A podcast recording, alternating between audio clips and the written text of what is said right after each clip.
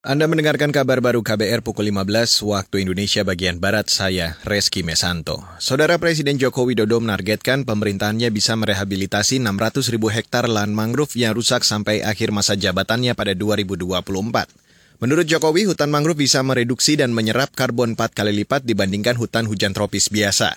Jokowi mengatakan untuk mencapai target itu, pemerintah akan membangun pusat mangrove dunia di sejumlah daerah di Indonesia. Ada di Provinsi Riau, ada di Provinsi Sumatera Utara, ada di Provinsi Kalimantan Utara, ada di Provinsi Kalimantan Timur, dan juga di Provinsi Bali. Artinya juga dimulai dari persemaian dari pembibitan seperti ini.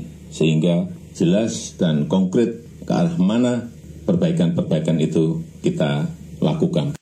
Presiden Jokowi juga meminta Menteri Kehutanan Siti Nurbaya melakukan aksi-aksi yang konkret, jelas, dan terukur. Permintaan itu disampaikan pada peringatan Hari Lingkungan Hidup Dunia yang digelar hari ini. Dalam peringatan tersebut, Presiden meresmikan persemaian Rumpin di Kabupaten Bogor dan meluncurkan program rehabilitasi mangrove di Kalimantan Timur.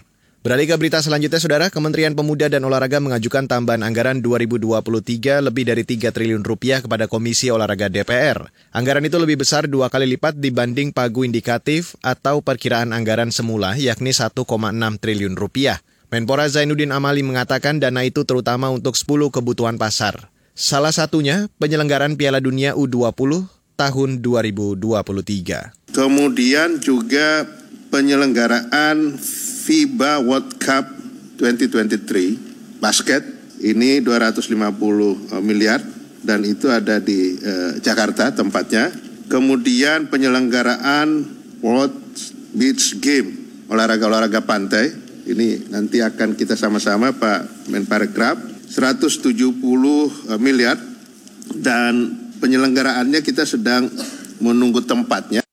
Menteri Pemuda dan Olahraga Zainuddin Amali menambahkan tambahan anggaran juga digunakan untuk pendanaan 10 titik sentra pelatihan nasional, pendanaan keikutsertaan dalam ajang internasional, dan pemusatan latihan atlet unggulan. Selain itu, anggaran Kemenpora juga akan digunakan untuk penyelenggaraan Festival Olahraga Nasional di Bandung, Pekan Paralimpik Pelajar Nasional di Palembang, dan pengiriman kontingen ke Special Olympic World Games 2023 di Berlin.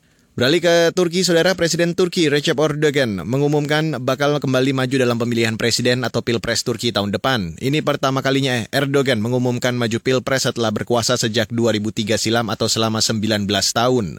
Itu disampaikan dalam kampanye partai kemarin. Sementara itu, partai oposisi Erdogan, CHP, belum menentukan kandidat untuk calon presiden. Pilpres Turki rencananya digelar pada Juni tahun depan. Dan saudara, demikian kabar baru saya Reski Mesanto.